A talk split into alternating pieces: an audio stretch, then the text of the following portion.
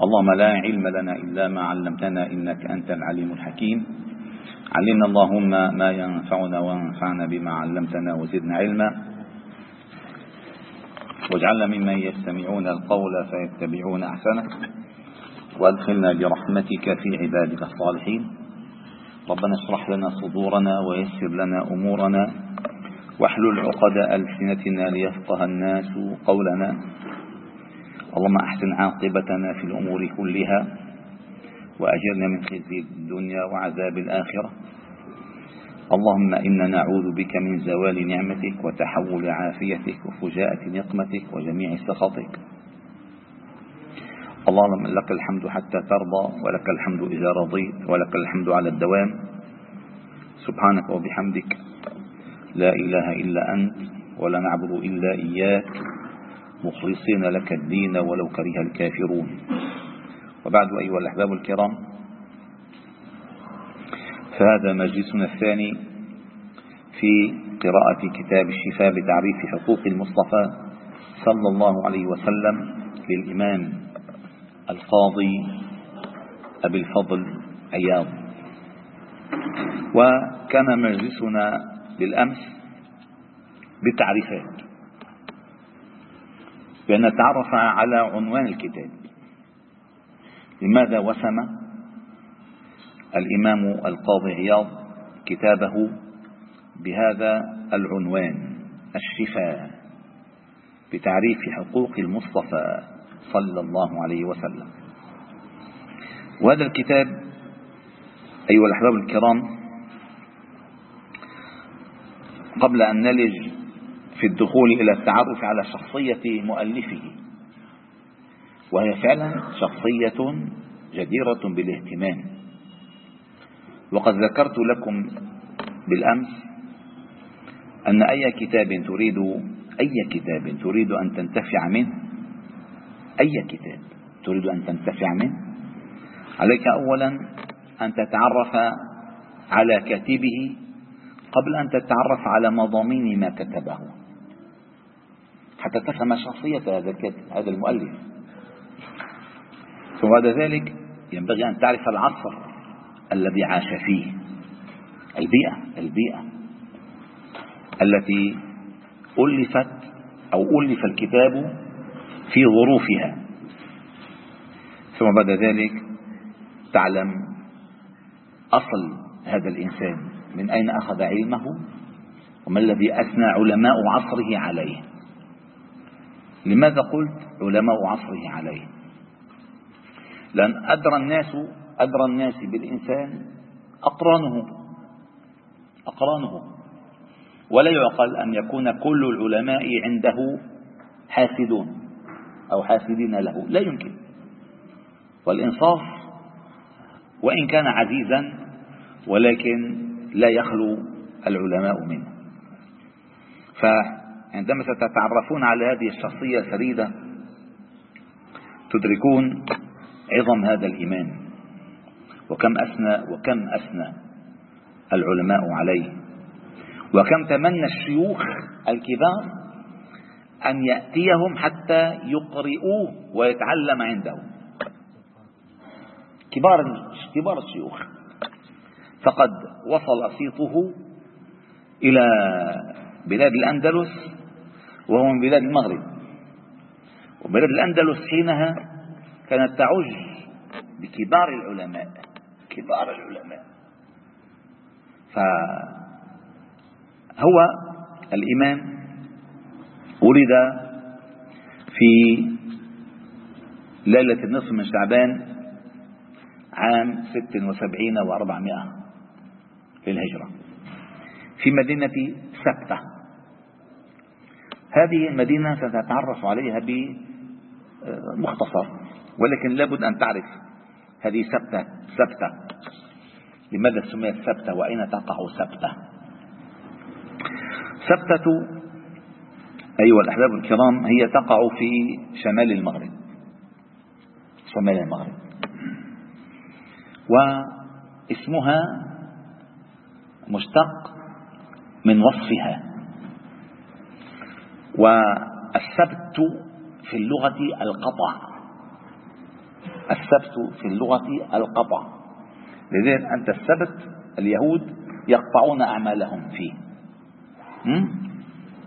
ويقال آه للنعلين سبتين سبتين ليش؟ لأن اقتطعوا على حجم القدم. على حجم القدم. هذه سبتة عندما تراها على الخريطة كأنها مقتطعة من المغرب وداخل في البحر. كأنها داخل في البحر سبتة. وسبتة تقع في شمال المغرب على شواطئ البحر المتوسط وعند المضيق الذي يصل البحر المتوسط بالمحيط الأطلسي. وهي نقطة عبور أساس. نقطة عبور أساس لمن أراد أن يأتي من الأندلس إلى المغرب لابد أن يمر بها. ومن أراد أن يذهب من المغرب إلى الأندلس لابد أن يمر بها. ومن أراد أن يذهب من الأندلس إلى الشام لابد أن يمر بها. ومن أراد أن يذهب من الشام إلى إلى الأندلس لابد أن يمر بها. فملتقى العبور. هي معبر؟ حقيقي معبر طبيعي لمن أراد أن يعبر إلى بلاد المغرب أو إلى بلاد الأندلس أو إلى بلاد الشام نزولا. واسمه أبو الفضل عياض ابن موسى بن عياض بن عمرو اليحصبي أو اليحصبي. الأندلسي المالكي السبتي. هلا آه، في الاستقراء استقراء تراجم العلماء الكبار في الأندلس. وهناك رسائل محققة في ذلك. أغلب علماء الأندلس الكبار أغلب علماء الأندلس الكبار هم من العرب الأقحاح فعندما يقول مترجمو هذا الإمام أنه يحصبي أو يحصبي ويحصب نسبة إلى ملوك حمير في اليمن إن هو أصل يمني. ويجتمع بالنسب مع الإمام مالك فهو عربي من الأعراب الأقحاح. وتلقى العلم عن ابن عبد البر صاحب التمهيد وهو ابن عبد البر النمري وكذلك من قبائل اليمن لأنه معروف هو قرطبي ولكنه أندلسي ولكنه عربي. أغلب علماء الأرض يعني عم نحكي قومية ولكن أصولهم عرب. لأن النبي صلى الله عليه وسلم يقول لا يصلح هذا الأمر إلا في هذا الحي من قريش. أغلب عم كالأغلب هم العرب. لذلك الإمام الشافعي عربي قح. الإمام الشافعي. فأقول في فلسطين صحيح ولكن هو الأعراب الأقحاف فإذا هو آه، آه، مولدا في سبتة مولدا. ولكنه آه، أصولا عربي يمني يحصبي. ويحصب, ويحصب اسم الجد الأكبر تبعهم. يحصب. يحصب ابن مالك. فإذا هذا نسبه و آه، كيف نشأ؟ الإمام أبو الفضل عياض نشأ في بيت والده وتعلم على يديه. ثم تعلم على علماء بلدته وأهمهم ابن العربي المالكي. ثم العالم التميمي. وظل ثلاثين سنة ولم يخرج. لم يخرج من سبتة. يعني ما ذهب إلى بلاد المشرق. فعندما بلغ الثلاثين سنة أراد أن يزداد علما فعزم الهمة أن ينطلق من مجمع البحرين. لأن سبتة يطلق عليها مجمع البحرين. فهي التقاء. التقاء ما بين البحر المتوسط وما بين المحيط الأطلسي. فانطلق إلى بلاد الأندلس والتقى بعلمائها الكبار.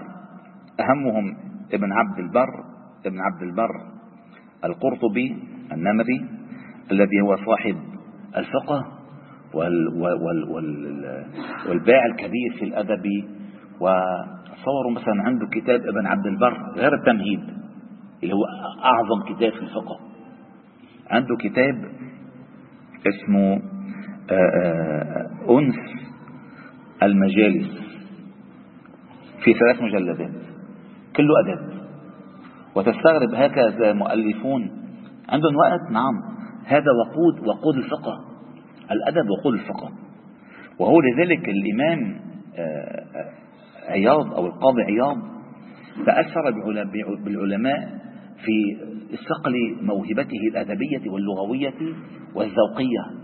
لذلك عندما سنمشي وفي هذا الكتاب ستجدون آه، الذوق في استعمال ألفاظه والحب والحب وحسن الانتقاء لكل شيء. فتعلم منهم العلم الكثير والتقى بأهم علمائه. ومن تأثر بهم تأثرا كبيرا اسمه أبو علي الصدفي يلقب ابن سكرة. أبو علي الصدفي هذا كان من علماء الأرض وقد ترجم له الإمام الذهبي في سير عالم النبلاء وكان يسمى أبو علي الصدفي الشهيد لأنه قتل شهيدا. في معركة بين المسلمين بين المسلمين هنالك وبين انفلونسو هذا الكبير تبع آه، آه، النصارى. قتل شهيدا في المعركة الملحمة الكبيرة. فكان شهيدا وكان قويا حازما. وهو الذي كان يسأل عنه. وصل آه، عياض. فعندما التقى به أعطاه أعطاه كل مروياته. كل مروياته وكأنه إلهام من الله عز وجل. والتقى كذلك بعلمة الأرض ابن رشد صاحب المقدمات المشهورة. وابن رشد عندما سمع به وهذه لفتة كثير مهمة سمع به على دقة آه، علمه وحدة حفظه.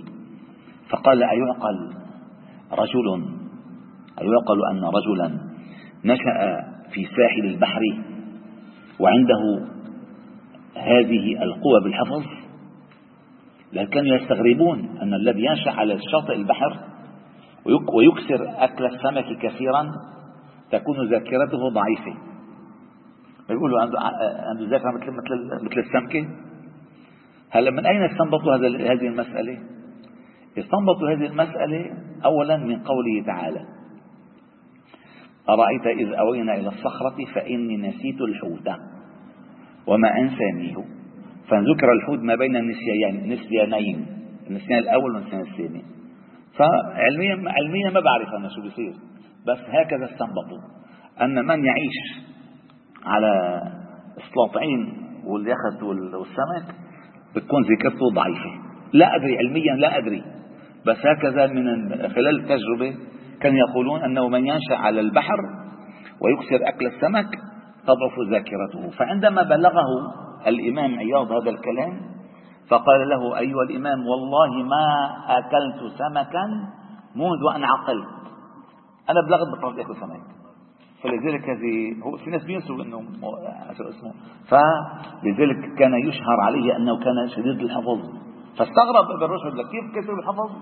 وهو يقعد عم ياكل بوري بور بتعرف البوري ده كله وسخ. فالمهم كان لم يأكل السمك منذ أن عقل. وذهب إلى هذه البلاد وكان كذلك من كبار مشايخه كما قلت ابن عبد ابن عبد البر القرطبي وابن سكرة آه، أبو علي الصدفي وابن رشد. هذا يكفيه. يكفيه هؤلاء. فأبو علي الصدفي كما قال العلماء أغناه علمه عن أن يتمنى أن يذهب إلى المشرق أو إلى الشرق. خلاص أخذ كل شيء. أخذ كل شيء. الله ومن من جميل ما عرف عن أبو علي الصدفي أنه عندما كلف بالقضاء لعلمه فر وتخفى. كل شيء برموا عليه متخفى. هلا بدل حط صور وسيلفي حط صور وسيلفي وشهادات الله اعلم شهادات مشان يطلع بمنصب ما له قيمة. هو هرب تخفى فما ظهر حتى اعفي من منصبه. طلع ظهر. هكذا كانوا من زمان. ما كانوا يركضوا للدنيا سبحان الله. وظل الإمام بعدما عاد إلى سبتة ظل ستة عشر سنة قاضيا في سبتة وعمل سنتين قاضي في قرطبة. إن عاش أغلب حياته قاضيا. ومن من عجيب ما فعل كان صارما. أن ليش له من قضاء قرطبة لما ما دهن ولاتهم فكان شديدا في حازما في القضاء. حازما في القضاء. فعندما آه، دخل قضاء سبتة في أحد المؤرخين كتب له ترجمة ومدحه فيها مدح كبير. فمدح حين أتي به مخمورا. هذا المؤرخ. المؤرخ مضر يكون ما يكون شيخ عم يكتب. فأتي به مخمورا. فحده وجلده حد حد الخمر. ثم بعد ذلك أهداه هدية حتى يتألفه ربما يتوب. يعني كان حازما ولكنه كذلك كان رقيقا. لذلك قال عنه تلامذته كان شيخنا كالتمرة. كلما لاكها الإنسان ازدادت حلاوة. التمرة أول كتشة ما بتحس فيها. كل ما تزداد. لأن الإنسان عندما وصف قال إذا رأيت من رآه للوهلة الأولى هابه ومن خالطه أحبه. هكذا الأصل. من بعيد ما بتعرف. بس حسن العشرة عندما تلوك تزداد. كل ما بتحض أكثر كل ما بتطلع الحلاوة أكثر. قال كلما كالتمرة كلما لكتها ازدادت حلاوة. وكان سخيا كريما وعاش فقيرا ومات فقيرا. ومات وعليه خمسمائة دينار دين. لذلك قال الإمام الشافعي رحمه الله تعالى من ولي القضاء فلم يفتقر فهو سارق. من ولي القضاء فلم يفتقر فهو سارق. ليش؟ لأن الوقوف بوجه الظلم لن يدع لك صديقا. أما الأيام للأسف وضع صعب فمن ولي القضاء ولم يفتقر فهو سارق. سير هذا ومسير هذا وسير هذا. فبتروح القضايا كلها في الأموال. و يعني سأذكر شيئا مؤلما مؤلما ولكن لا بد أن أذكره حتى مشان ننصف الإمام القاضي عياض. القاضي عياض عاش في فترتين مهمتين في التاريخ الأندلسي. عاش في أواخر عهد المرابطين وفي أوائل عهد الموحدين.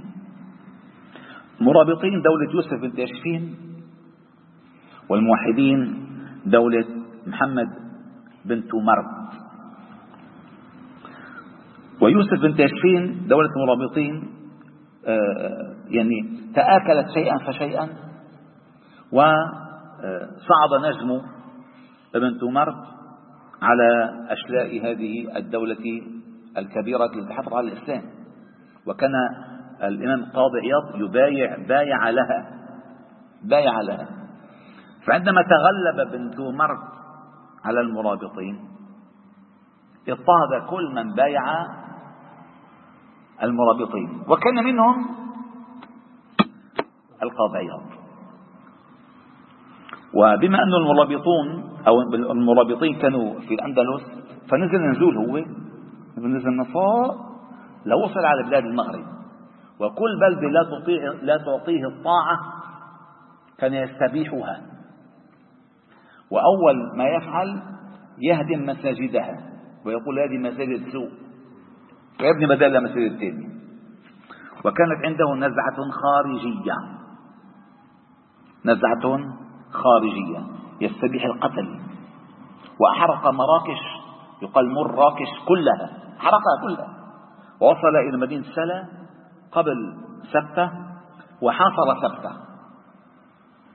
فعندما تيقن أهلها أنهم مغلوبون لا محالة تراجعوا وأخذ الإمام القاضي عياض وفدا من سبتة وقدم البيعة لابن تمر.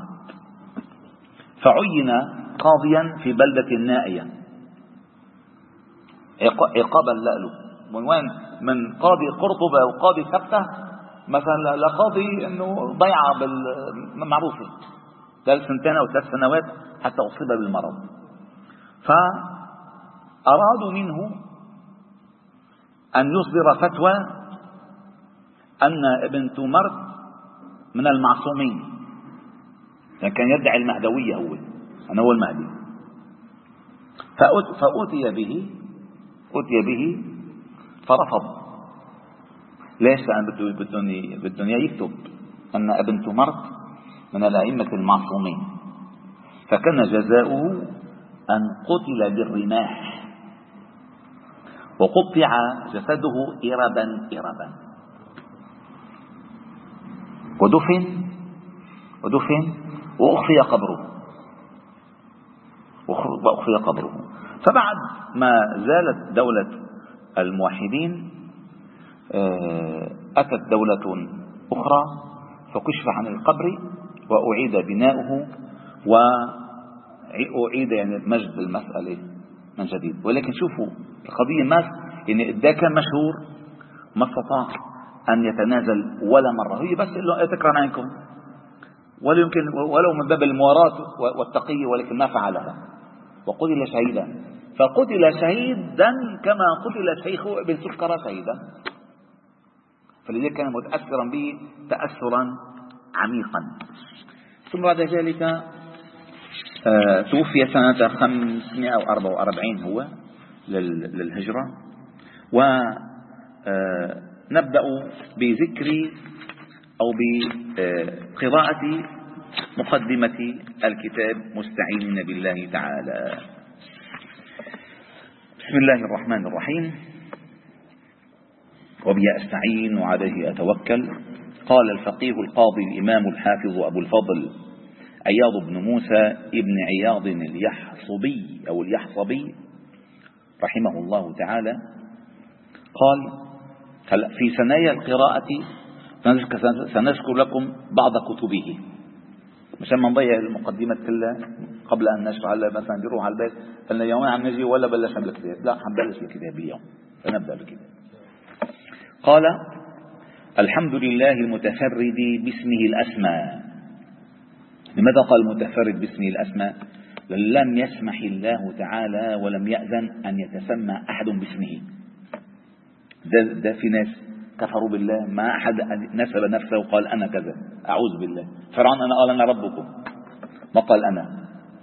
فهمت كيف؟ أما عندما ذهب موسى إلى الوادي المقدس إنني أنا الله لا إله إلا أنا فاعبدني وأقم الصلاة لذكري. لم يتسمى أحد باسمه جل الله تعالى في علاه قال المتفرد باسمه الأسماء والمختص بالملك الأعز الأحمى الذي ليس دونه منتهى ولا وراءه مرمى. الظاهر لا تخيلا ووهما والباطن تقدسا لا عدما. وسع كل شيء رحمة وعلما وأسبغ على أوليائه نعما عما وبعث فيهم رسولا من أنفسهم أنفسهم عربا وعجما وأزكاهم محتدا ومما وأرجحهم عقلا وحلما وأوفرهم علما وفهما وأقواهم يقينا وعزما وأشدهم بهم رأفة ورحما وزكاه روحا وجسما وحاشاه عيبا ووصما وآتاه حكمة وحكما وفتح به أعينا عميا وقلوبا غلفا وآذانا صما فآمن به وعزره ونصره من جعل الله له في مغنم السعادة قسما. وكذب به وصدف عن آياته من كتب الله عليه الشقاء حتما ومن كان في هذه أعمى فهو في الآخرة أعمى. صلى الله عليه وسلم صلاة تنمو وتنمى وعلى آله وسلم تسليما. أما بعد وقد قال أغلب العلماء عن الإمام القاضي عياض لولا الشفاء ما عرف عياض. يعني الذي شهر الإمام القاضي عياض هذا الكتاب. ألف كتب كثيرة ما سبحان الله. هذا هذا الذي بقي بين الناس. وهو كان هذا الكتاب كان مختصا به أهل المغرب. لم ينتقل إلى بلاد الشام إلا من مسيرة قريبة يعني. حتى أصبحت أصبح هذا الكتاب مسموعا في بلاد الشام. وموجود سامعوه في دمشق إلى الآن بالسند فما كان معروف ولكن انتشر في العالم وترجم إلى لغات هذا الكتاب إلى لغات كبيرة. فلذلك قال الأئمة عنه لولا الشفاء ما عرف عياض. سبحان الله. فقال أما بعد أشرق الله قلبي وقلبك بأنوار اليقين. أن تتلمسوا في ثنايا الكلام هذا هذا القلب المرهف المليء بالإيمان والحكمة والذوق والعرفان. شوفوا الأدب. كيف أثنى الله عز وجل أثنى ثناء كبيرا وأفرده بالتوحيد واليقين والإيمان. ثم بدأ بخطابك لأنه يريد لك الخير. قال أشرق الله قلبي وقلبك بأنوار اليقين. ولطف لي ولك بما لطف به لأوليائه المتقين الذين شرفهم الله بنزل قدسه وأوحشهم من الخليقة بأنسه. هذا الكلام دقيق. شو يعني دقيق؟ لأن من استوحش بالناس فإنه علامة الإفلاس. فعلامة الإفلاس الاستئناس بالناس. ومن استوحش من الناس فقد دخل في عالم الأنس والاستئناس بالله الملك الجبار. أما والله مستأنس مستأنس بالغفلة بين أنه ليس له مع الله علاقة أبدا. فعندما تريد أن تعرف الإنسان هل عنده حال مع الله يستوحش بكثرة الناس ويستأنس بوحده بالوحدة. يستأنس لذلك قال أوحشهم من الخليقة بأنسه. وخصهم من معرفته ومشاهدة عجائب ملكوته وآثار قدرته بما ملأ قلوبهم حبرة أي سرورا. ووله عقولهم في عظمته حيرة فجعلوا همهم به واحدا. الحديث هذا حديث من جعل الهم هما واحدا هم الآخرة. جعل الله غناه في قلبه. ولم عليه شملة وأتته الدنيا وهي صاغرة. الهم هم واحد. قال فجعل فجعلوا همهم به واحدا ولم يروا في الدارين غيره مشاهدا. فهم بمشاهدة جماله وجلاله يتنعمون وبين آثار قدرته وعجائب عظمته يترددون.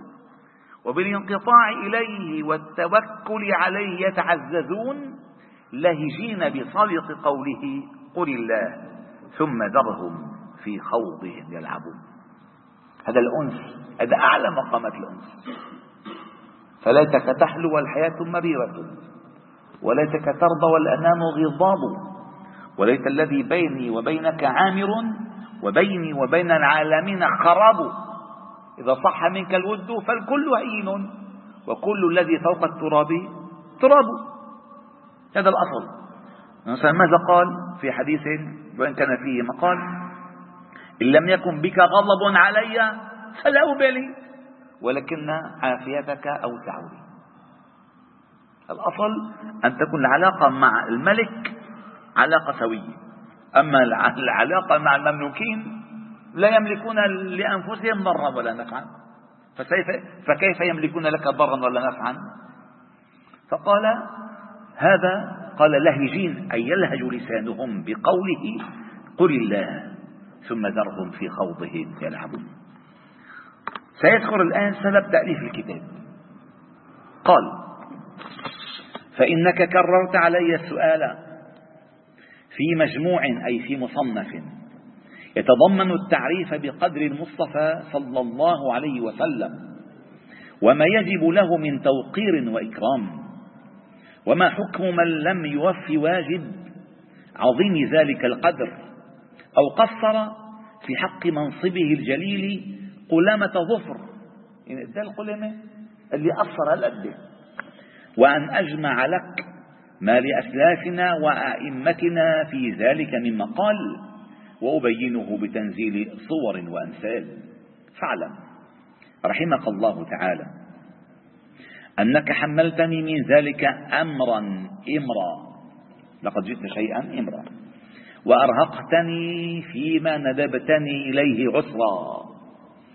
وأرقيتني بما كلفتني مرتقا صعبا. ملأ قلبي رعبا. فإن الكلام في ذلك يستدعي تقرير أصول وتحرير فصول والكشف عن غوامض ودقائق من علم الحقائق مما يجب للنبي صلى الله عليه وسلم ويضاف إليه أو يمتنع أو يجوز عليه ومعرفة النبي صلى الله عليه وسلم والرسالة والنبوة والمحبة والخلة وخصائص هذه الدرجة العلية وها هنا مهامه فيح تحار فيها القطا. القطا يعني الأحلام. يعني وتقصر بها الخطى ومجاهل تضل بها الأحلام إن لم تهتدي بعلم علم ونظر سديد. ومداحض تزل بها الأقدام. إن لم تعتمد على توفيق من الله وتأييد. لأن الأصل في كل شيء التوفيق لا التوثيق. هلا في ناس بيظنوا إذا مثلا كتبوا المعلومة موثقة فقد أدوا واجبهم. لا لا حبيبي. إن لم يتدارك يتدارك التوفيق مع توثيقك فلا قيمة لعلمك. إن لم يتدارك التوفيق.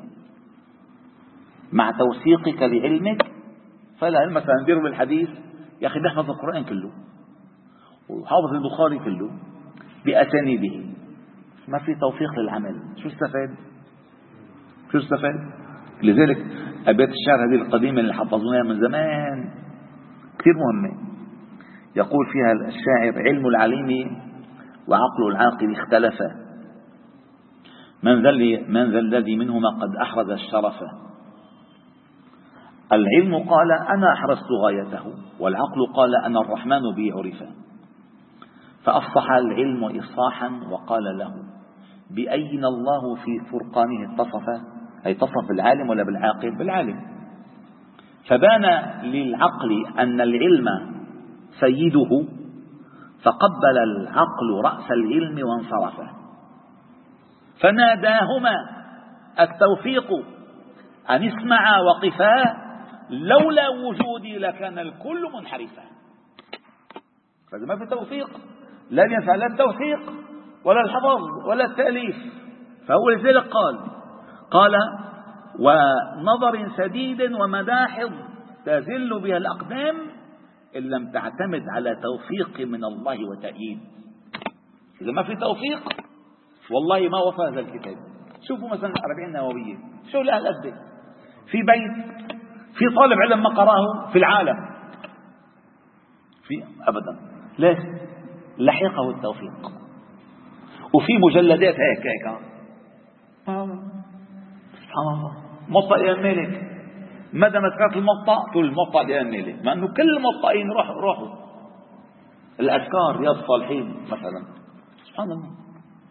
توفيق وما توفيقي إلا بالله. قال لكني لما رجوته لي ولك في هذا السؤال والجواب من نوال وثواب بتعريف قدره الجسيم وخلقه العظيم وبيان خصائصه التي لم تجتمع قبل في مخلوق وما يدان الله تعالى به من حقه الذي هو أرفع الحقوق ليستيقن الذين أوتوا الكتاب ويزداد الذين آمنوا إيمانا. ولما أخذ الله تعالى على الذين أوتوا الكتاب ليبيننه للناس ولا يكتمونه. ولما حدثنا به أبو الوليد بدأ بإسناد العلم كيف تلقاه. ولما حدثنا به أبو الوليد هشام بن أحمد الفقيه رحمه الله تعالى بقراءة عليه قال حدثنا الحسين ابن محمد. حدثنا أبو عمر النمري. حدثنا أبو محمد بن عبد المؤمن. حدثنا أبو بكر محمد بن بكر أو ابن بكر. حدثنا سليمان بن الأشعث.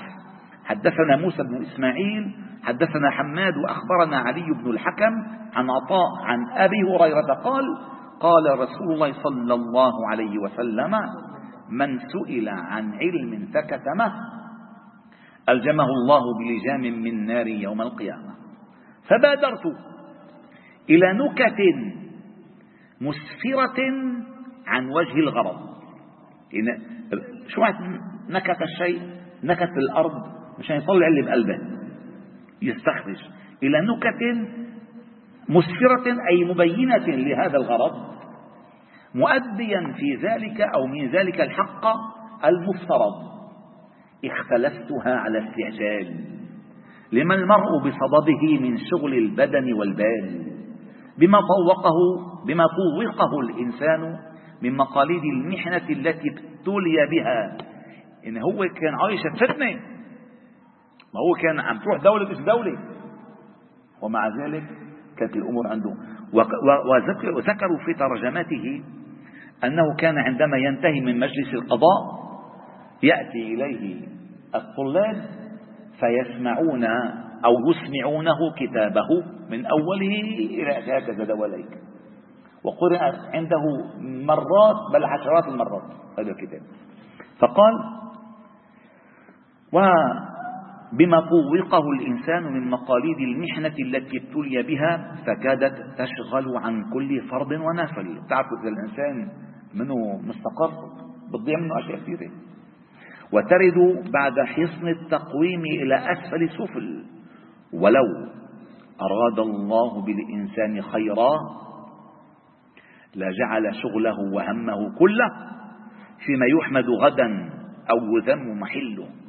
فليس ثم أي هناك بعد الموت فليس ثم سوى حضرة النعيم أو عذاب الجحيم.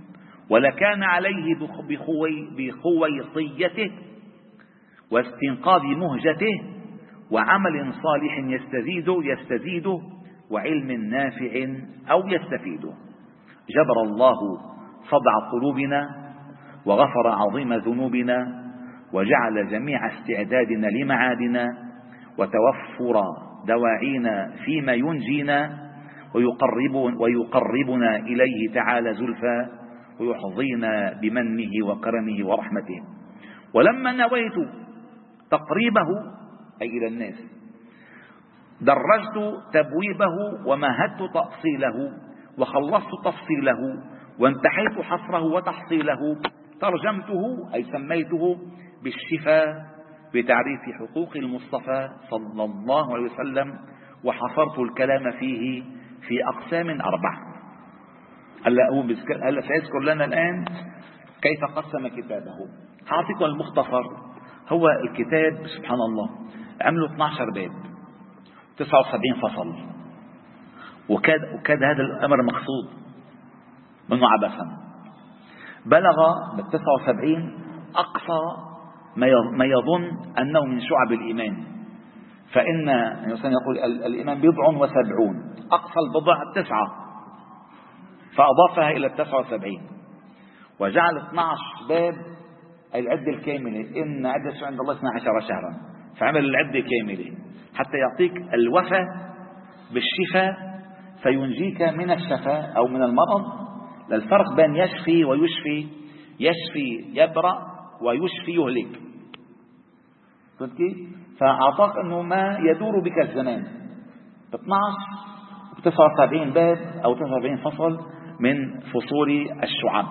يشعبها إلى 79 وبوابها وبوبها باثني عشر بابا. إن شاء الله تعالى في الغد إن شاء الله تعالى سنبدأ عمليا بقراءة ما فصله الإمام في كتابه. والحمد لله رب العالمين. سبحانه وبحمدك أشهد أن لا إله إلا أنت. نستغفر ونتوب إليك. وصلي وسلم وبارك على محمد وعلى آله وأصحابه أجمعين. والحمد لله رب العالمين.